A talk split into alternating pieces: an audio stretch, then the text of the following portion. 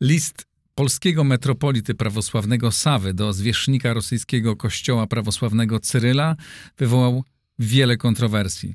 Przypomnę, że metropolita Sawa e, gratulował Cyrylowi duchownego odrodzenia cerkwi rosyjskiej, która jest dziś przykładem dla innych. A cerkiew rosyjska wspiera wprost wojnę na Ukrainie, w razie hierarchia e, cerkwi e, rosyjskiej.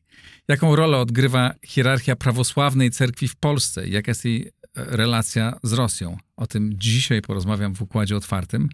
Bardzo dziękuję wszystkim patronom, dzięki którym ten program mogę prowadzić. Bardzo serdecznie Was pozdrawiam. Dzięki Wam ten program jest niezależny, dzięki Wam mogę go prowadzić na takich warunkach, jakie mam. Dzięki serdeczne. Pozdrawiam Was wszystkich. Dziękuję też bardzo mecenasom i zapraszam na rozmowę. Oto mecenasi układu otwartego. Firma DevTalent budująca zespoły programistyczne dla klientów z branży finansowej i cyberbezpieczeństwa. OnGeo.pl Geoportal dostarczający raport o terenie z diagnozą dowolnej działki dla właścicieli, sprzedających lub kupujących. Inteo pozyskuje środki z funduszy europejskich na projekty innowacyjne i badawczo-rozwojowe.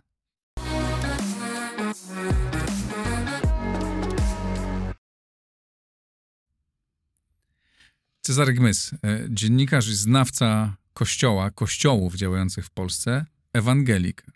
Tak, w rzeczy samej. Niegdyś również członek synodu, synodu Kościoła Ewangelickiego, czyli zwierzchniej władzy. Ale znasz, się, ale znasz się też dobrze na Kościele Prawosławnym. A tak, ja przez całe lata zajmowałem się tematyką wyznaniową, no oczywiście przede wszystkim Kościołem rzymskokatolickim. Dość powiedzieć, że obsługiwałem wszystkie pielgrzymki Jana Pawła II po roku 89 a, oraz pielgrzymkę Benedykta XVI również jako dziennikarz. No i oczywiście zajmowałem się też szeroko rozumianą tematyką kościelną, też ze szczególnym uwzględnieniem tematu lustracji w poszczególnych denominacjach kościelnych. Ujawniłem esbecką przeszłość zwierzchnika własnego kościoła biskupa Jaguckiego, ale również zajmowałem się tym tematem, jeżeli chodzi o prawosławie.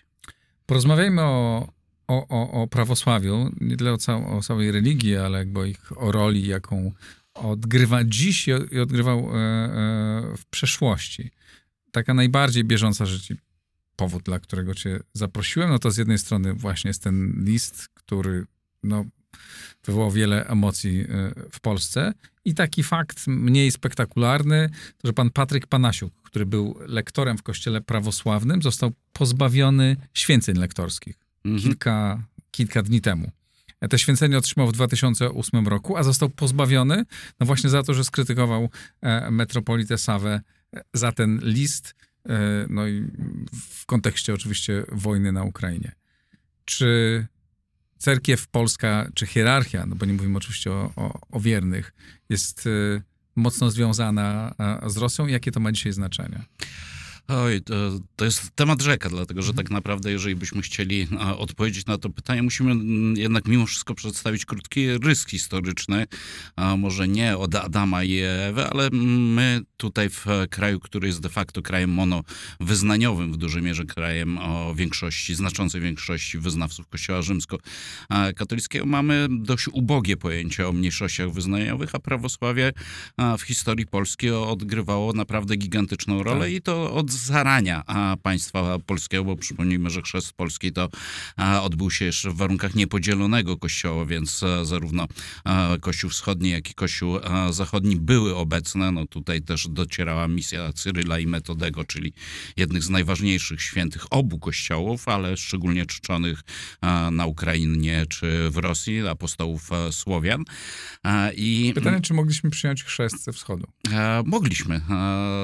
To była realna zdecydowana alternatywa.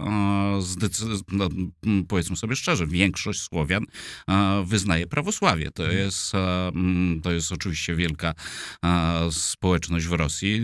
Białoruś, Ukraina, Serbia, Bułgaria.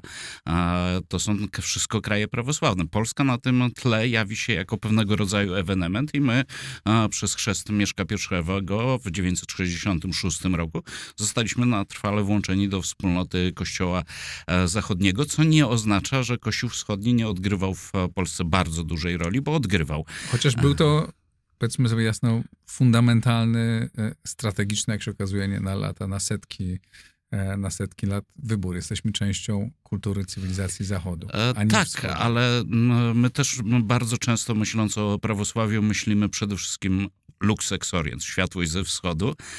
I trzeba powiedzieć to dobitnie, nasza teologia, ta teologia ojców Kościoła została ukształtowana na wschodzie i to, co dzisiaj wyznajemy, to jest, dobo, to jest nauka soborów powszechnych, z których wszystkie odbyły się na wschodzie przed rozłamem z 1054 roku, kiedy rozpadł, doszło do wielkiej schizmy wschodniej. Ale to nie oznaczało, że Polska jako taka została na trwale włączona do wspólnoty Kościoła rzymskokatolickiego, bo to się mieszało. No, jeżeli dzisiaj pojedziesz sobie do kościoła, właściwie do kaplicy świętej Trójcy, która znajduje się na Zamku Lubelskim, kaplicy ufundowanej przez Władysława Jagiełłę, tego słynnego króla polskiego i Litwina, to wchodzisz do świątyni prawosławnej, zresztą przepięknej. To jest, bardzo często mówię, że ta kaplica świętej Trójcy to jest polska kaplica e, sykstyńska. I te wpływy wschodnie, one się mieszały. Mm, przy czym to nie oznaczało też, że to były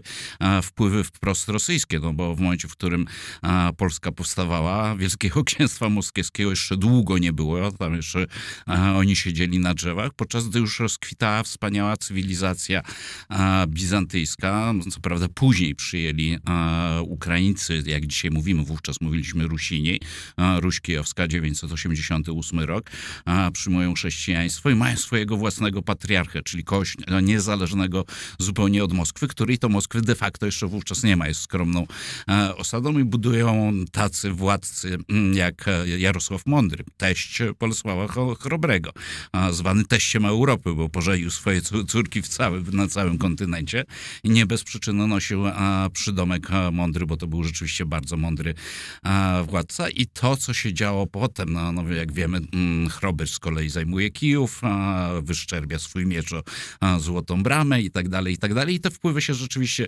mieszały i to długo nie, była, nie było wpływów rosyjskich, nie było wpływów mm, Wielkiego Księstwa Moskiewskiego. Moskwiczanie wtedy cierpieli jeszcze pod jarzmem mongolskim i tak naprawdę nasz Kościół prawosławny był dużo bardziej związany z Konstantynopolem.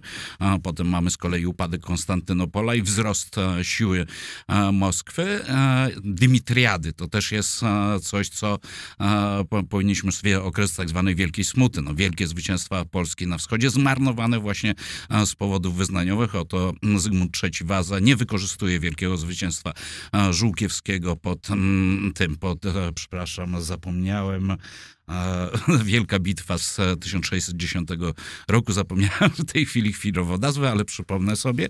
Zajmujemy Moskwę, a ciasnota umysłowa Zygmunta III Wazy sprawia na to, że to, że w odróżnieniu od słynnego francuskiego króla, który powiedział, że Paryż wart jest on mszy, on uważa, że Kreml nie jest warty mszy, czy też świętej liturgii, boskiej liturgii, bo tak nazywamy w prawosławiu odpowiednik ichniejszej mszy świętej. Wiem, że znasz się bardzo dobrze na tym i że to jest pasjonująca historia. To jest rzeczywiście fascynujące. Ale na potrzebę tego programu nie omówimy jej w całości. Proponuję, Ale... żebyśmy się przesunęli e, Dobra, przesuńmy się do, do oczywiście czasów. jeszcze po, po, drodze jest Unia Brzeska, ale do, no, tak naprawdę to, z czym mamy do czynienia dzisiaj, to jest e, efekt rewolucji październikowej. E, zaborów oczywiście, no bo wtedy Kościół e, prawosławny w Polsce rusyfikuje się, a wszyscy mhm. hierarchowie de facto są pochodzenia rosyjskiego bądź wschodniego. To się stało podczas zaborów. To się stało pod, podczas zaborów i my po zaborach, po odzyskaniu niepodległości Polska odreagowała odreagowuje w sposób naprawdę durny. To znaczy burzymy cerkiew,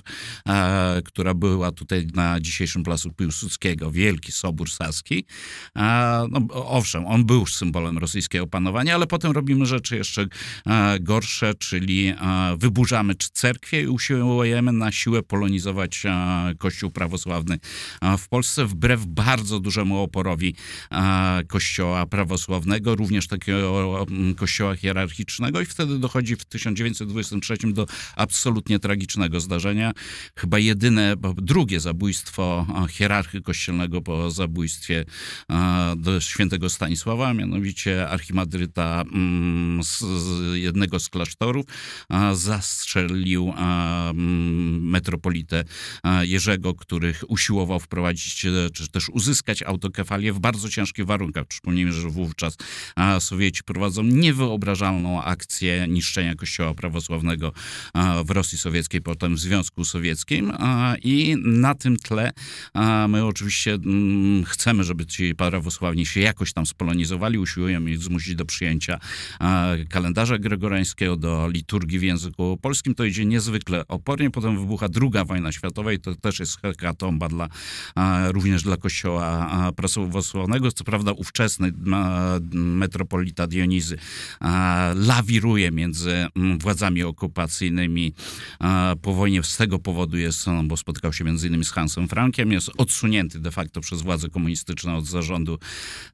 kościołem prawosławnym i de facto następuje straszliwa wasalizacja tego kościoła wobec e, władz e, komunistycznych. Mówimy tu cały czas o hierarchii, bo przypomnijmy, że bardzo wielu mm, polskich wspaniałych patriotów, no, kapelan Federońko i cała jego rodzina, to jest człowiek, który dostaje kulkę w głowę w Katyniu, jego synowie giną w Powstaniu Warszawskim, jeden z jego synów ginie jako lotnik na, na dywizjonu 303, prawdziwie patriotyczna rodzina. No ale komuniści wykorzystują osłabienie tego kościoła, wykorzystują też stosunki między, e, między poszczególnymi narodowościami. No dochodzi do osławionego mordu Furmanów dokonanego przez Rajmunda Rajsa, czyli Burego na Białostoczyźnie. No to jest słusznie przez IPN było określone, stwierdzone, że nosiło to zmian, znamiona zbrodni wojennej, czy też zbrodni ludobójstwa. Z przyczyn czysto narodowościowych Rajs rozwala zupełnie niewinnych ludzi tylko za to, że są Białorusami, Białorusinami. Te napięcie wykorzystują bardzo dobrze komuniści, ponieważ usiłują wygrywać Kościół prawosławny przeciwko Kościołowi rzymskokatolickiemu. na ile chciałem tu, wejdę w mhm. słowo, na, na, na, ile, na ile komuniści, komunistom udało się to rozegrać, na ile e, z, mocno, mi, jak dużo w, w stosunku do Kościoła katolickiego, jak duży mieli wpływ? Gigantyczny. Znaczy w 1989 roku, po upadku komunizmu, cały sobór biskupów prawosławnych to byli zarejestrowani tajni współpracownicy bezpieki od metropolity Bazylego na poszczególnych biskupach Adamie, Jeremiaszu i innych biskupach. Kończąc, to byli wszystko rejestrowani tajni współpracownicy bezpieki, a uagentowienie kleru, no to też było dość wysokie, około, no, tak jak liczymy, że w przypadku kościoła rzymskokatolickiego czy luterańskiego to było około 10-15% osób, które współpracowało z bezpieką, tam to sięgało ponad połowy, a, więc to pokazuje w jaki sposób było a, to kontrolowane. I te, te akta sprawy Bizancjum dotyczące właśnie kościoła polskiego, polskiego autokefalicznego kościoła prawosławnego się w dużej części e, zachowały. Mm, brakuje dwóch tomów z ostatnich lat, no ale jesteśmy w stanie odtworzyć tak naprawdę upadek hierarchii e, prawosławnej, który nie przekłada się, jeszcze raz podkreślmy, na to, e, że powinniśmy za to potępiać e, wszystkich prawosławnych, dlatego że wśród nich było bardzo dużo patriotów, co było też widać na przykład w pierwszym karnawale Solidarności na Białostoczyźnie, że Solidarność usiłowała wyjść w kierunku prawosławnym, żeby zażegnać te spory wyznaniowe. No niestety tutaj arcybiskup Sawa, rządzący do dzisiaj polskim prawosławiem, przeciwdziałał. No, w momencie, w którym pojawili się u niego działacze Solidarności z darem dla Kościoła prawosławnego i z propozycjami rozmów, żeby zgodę narodową przeprowadzić, wyrzucił ich po prostu za drzwi, podobnie jak wyrzucał za drzwi reporterów zachodnich, którzy pojawili się tam. Była taka znana wówczas sprawa, że jeden z duchownych prawosławnych popełnił najprawdopodobniej samobójstwo, ale to było po 1984 roku, już po śmierci księdza Popiełuszki. Esbecja rozpuszczała taki wierszyk, zabili Batiuszkę za Popiełuszkę, sugerując, że to była zemsta za, za śmierć księdza Jerzego. No i w to wszystko był w sposób niezwykle obrzydliwy zaangażowany arcybiskup Sawa, ale był zaangażowany również ówczesny metropolita, czyli Bazylii. To nawet te akta się czyta z pewnego rodzaju takim rozbawieniem niekiedy, dlatego że oni usiłowali stosunki wewnątrz prawosławne rozgrywać przede wszystkim przy pomocy Urzędu do Spraw Wyznań i czwartego Departamentu Służby Bezpieczeństwa. Nie rozumieli, dlaczego to się nie udaje. Nie udawało się, dlatego że każdy miał swojego oficera prowadzącego i jeden załatwiał interesy swojego uchola, drugi załatwiał interesy swojego uchola. Te interesy czasami były, a nawet bardzo często były rozbieżne. Ale ta współpraca z Sawy, no ona przekraczała również granice polskie, no bo to był duchowny, który rządził wówczas największą, no i do dzisiaj największą diecezją Kościoła Prawosławnego, czyli diecezją białostocką, ale był też swojego czasu przeorem, przeorem czyli archimadrytą, no jak to się nazywa w terminologii prawosławnej, klasztoru Wiobłecznej, największego męskiego klasztoru prawosławnego, który się tym charakteryzuje, że leży na samej granicy wówczas polsko-sowieckiej i tam patriotycznie nastawieni młodzi klerycy organizowali nawet nie akcję polityczną, tylko chcieli przerzucać na teren Sowietów e, literaturę e, religijną. No i e, Sawa to wykrył, dotniósł to o tym swoim przełożonym. I skończyło to się tragicznie, no bo można się domyśleć, że te informacje zgodnie z pragmatyką służbową trafiły do odpowiedniego zarządu KGB i ci ludzie, którzy byli odbiorcami tej literatury, zdecydowanie ponieśli znacznie gorsze represje niż to, co robiła no, zębata komuna, ale jednak mimo wszystko dużo łagodniejsza niż to, co działo się w Sowietach, a następnie część tych biednych kleryków, którzy, którzy zostali złapani na organizowaniu tego przerzutu tej literatury, została też zwerbowana jako tajni współpracownicy bezpieki. To... Co się działo z hierarchią Kościoła Prawosławnego po 89 roku, przez ostatnie 30 e, lat? Jakie one mieli związki z Moskwą i gdzie wiadomo, że jakby cerkiew stała się, stawała się jakby coraz bardziej państwowa no to związki były bardzo silne, dlatego że najpierw no, były silne z patriarchą, nieżyjącym już patriarchą Aleksym, a obecnie są bardzo silne również z patriarchem Cyrylem, który za Aleksego był tym, był człowiekiem odpowiedzialnym za sprawy, takim ministrem spraw zagranicznych Kościoła Prawosławnego Rosyjskiego. Ten Kościół Prawosławny Rosyjski był jeszcze bardziej zinfiltrowany przez KGB, łącznie z tym, że no, twierdzenia, że Aleksy czy Cyryl nie byli no, wyłącznie prostymi współpracownikami KGB, lecz wręcz funkcjonariuszami, one znajdują pewnego rodzaju pokrycie funkcjonariuszami tej straszliwej służby, odpowiednikiem naszej bezpieki, ale znacznie bardziej represyjnej i one znajdują potwierdzenie też częściowo w materiale dowodowym, jaki, czy archiwalnym, jaki znamy, więc te opanowanie cerkwi prawosławnej w Rosji właściwie dokonało się znacznie wcześniej, ale przypomnijmy jeszcze raz za cenę olbrzymiego męczeństwa Kościoła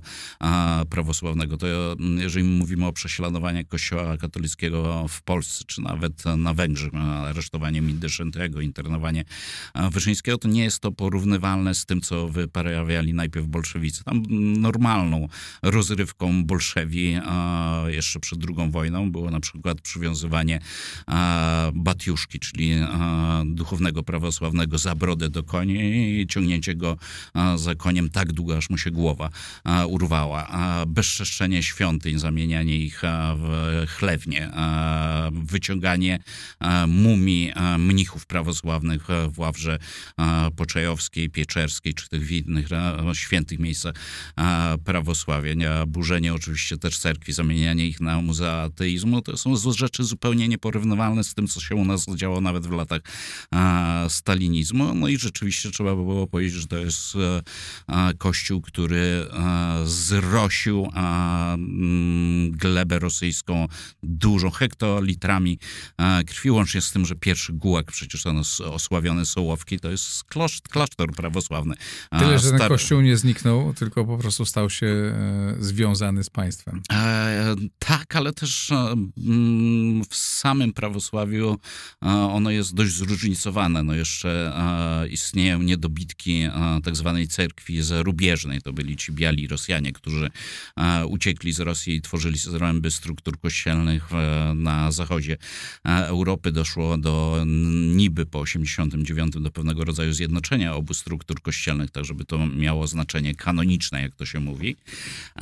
Natomiast no rzeczywiście duża część hierarchii prawosławnej e, rosyjskiej to są no, mm, czysty cezaropapizm, jak to się e, kiedyś e, mawiało. Dobra, wracę do tego pytania, co się działo z hierarchią prawosławną przez ostatnie 30 lat w Polsce. A Kościół prawosławny zyskał na upadku komunizmu i to trzeba powiedzieć, że to był tak naprawdę pierwszy okres po wojnie, kiedy Kościół prawosławny mógł odetchnąć pełną piersią, dlatego że został najpierw objęty ustawą jeszcze przygotowaną w komunistycznym Sejmie, ustawą o gwarancjach wolności sumienia i wyznania, a następnie jako pierwszy po Kościele rzymskokatolickim uzyskał swoją własną ustawę. Pierwszy akt tej rangi regulujący od strony prawnej sytuację Kościoła prawosławnego w Polsce, w tym również pozwalający przy pomocy Komisji Majątkowej na uproszczone zwrot majątków prawosławnych zagrabionych przez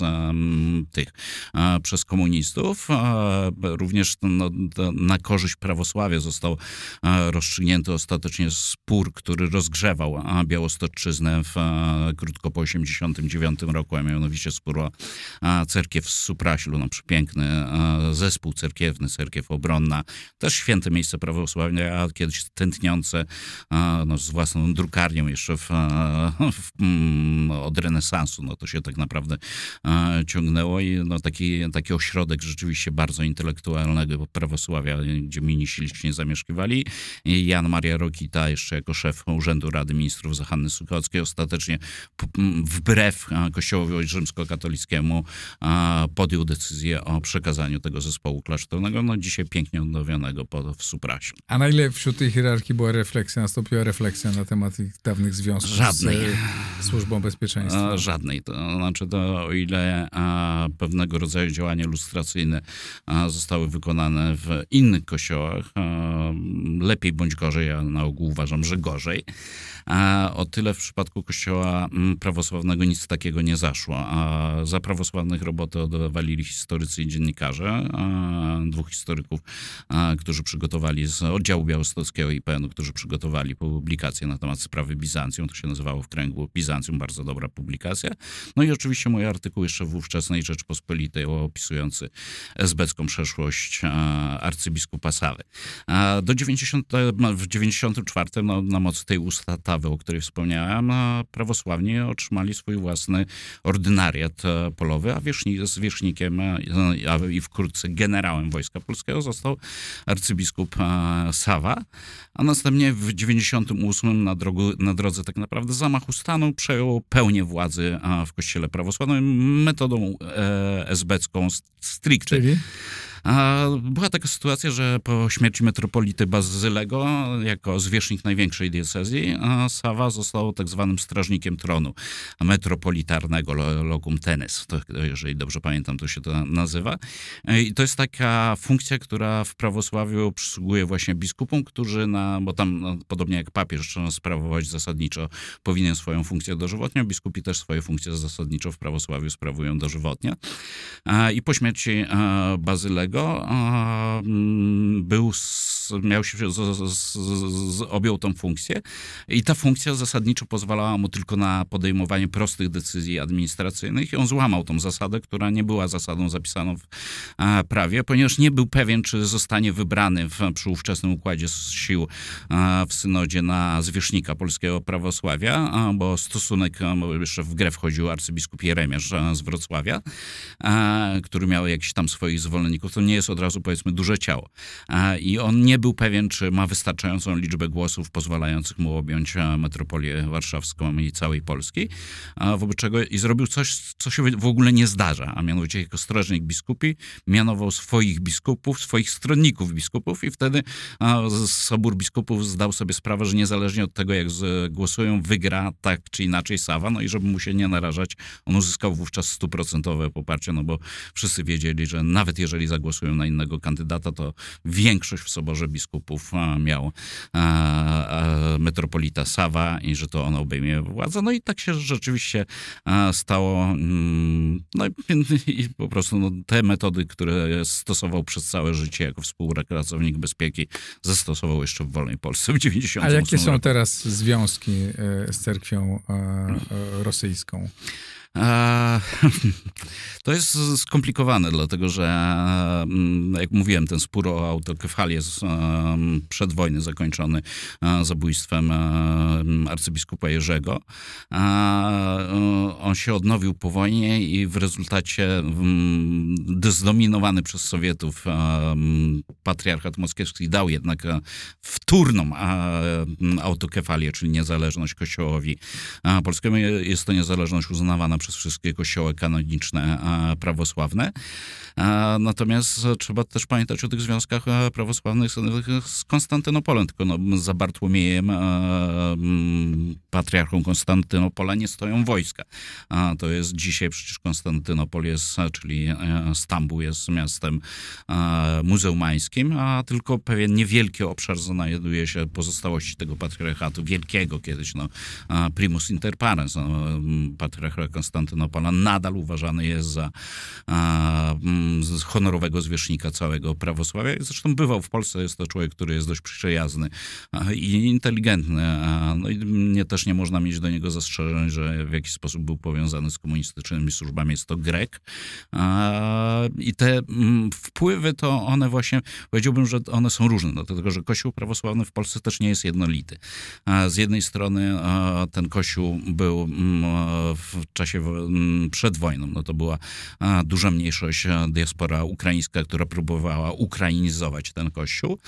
Z drugiej strony dzisiaj największym odsetkiem zwartej ludności prawosławnej są Białorusini, czy też czasami nazywający siebie tutejsi.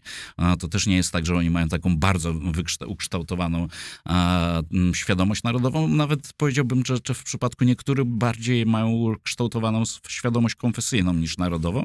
I jest w ramach polskiego prawosławia taki ruch, który mówi prawosławny nie ruski. I to są ludzie prawosławni, którzy czują się Polakami wyznania prawosławnego. Bywają też cerkwie, w których liturgia nie jest odprawiana w języku starocerkiewno-słowiańskim, tylko po polsku. Natomiast te wpływy rosyjskie, no, no ten język starocerkiewno-słowiański też ma swoją wymowę i jest różna wymowa w Rosji, a, a różna w innych krajach, które używają go liturgicznie. No i my używamy wymowy rosyjskiej, a, jeżeli chodzi o język starocerkiewno-słowiański.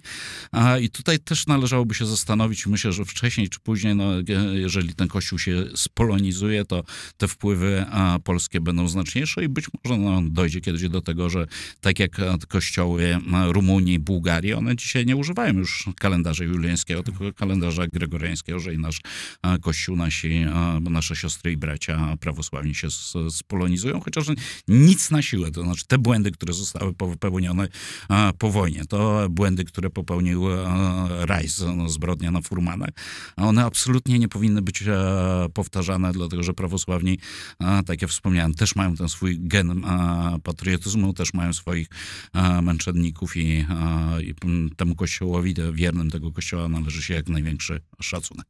Jest ich w Polsce około pół miliona według Tak, to jest druga denominacja, no, druga denominacja wyznaniowa w No, Polsce. ciekawe, je- jak to będzie po, jak tak naprawdę jest teraz, no bo nie wiemy, ilu dziś jest prawosławnych w Polsce. Jest e, w Polsce bardzo wielu ludzi, którzy przyjechali ze wschodu i to jest jeszcze trudne do policzenia i wpływ też jest trudny do E, policzenia. To nie jest znowu takie trudne, dlatego że możemy założyć, że większość nowej imigracji z Ukrainy to są albo prawosławni, albo unici grekokatolicy. Przy czym też trzeba też pamiętać, że jest pewnego rodzaju napięcie między hierarchami obu kościołów, tak bliskich sobie e, doktrynalnie. Te różnice między unitami a a prawosławnymi naprawdę są znikome. To jest filiokwe, a, którego to problemu dzisiaj nikt nie rozumie, czyli e, dodatek e, o pochodzeniu Ducha Świętego w wyznaniu wiary. A to już zostawmy, nie wchodźmy w to. A, a. Grekokatolicy też czasem używają organów. No. Ale taki nowosielski to był, miał podwójną świadomość, był zarówno unitą, jak i prawosławnym. I- I piękne, i pięknie malował. Mhm. E, ale w, to ciekawe, bo rzeczywiście mm, przecież w tej chwili wiernych prawosławnych, e, którzy przyjechali teraz do Polski, może być więcej niż tych, którzy, e, którzy to żyli od lat. A, tak, i to się no, niewątpliwie odciśnie, tylko że trzeba też pamiętać o skomplikowanej sytuacji wyznaniowej na samej Ukrainie, bo tam jest również cerkiew patriarchatu e, moskiewskiego. No, ona jest w posiadaniu najświętszego miejsca na Ukrainie, czyli ławry pieczerskie. Nie pamiętam, kto ławrę poczajowską w tej chwili posiada, bo to się czasami zmienia. Drugie najświętsze miejsce na Wołynie, no, zresztą związane bardzo z polskim prawosławiem. I to są rzeczywiście te mm, konflikty wyznaniowe też mogą się przenieść na teren Polski, ale też pamiętajmy, że w tym roku po wybuchu konfliktu na Ukrainie Kościół prawosławny ten dano wiernym prawosławnym możliwość obchodzenia świąt Bożego Narodzenia albo według kate- kalendarza juliańskiego, albo a, gregoriańskiego do wyboru. Więc to mówi się też, chociaż ja w to nie wierzę, że cyrylica ma być zastąpiona przez alfabet łaciński. No, w te, znaczy mówi się, ale to też jest, myślę, że to jeśli to bardzo długotrwały proces i, i, i trudno powiedzieć, czy on, czy on kiedyś, e, czy to dojdzie do skutku. Bardzo ci dziękuję. Dziękuję bardzo. Cezary Gmys, ewangelik, był naszym gościem. I opowiadał o prawosławiu. opowiadał o prawosławiu. To wszystko dzisiaj. Bardzo dziękuję. Napiszcie e, Państwo, co o tym sądzicie. Subskrybujcie i wspierajcie Układ Otwarty na patronite.pl i zapraszam na kolejne rozmowy. Dziękuję bardzo.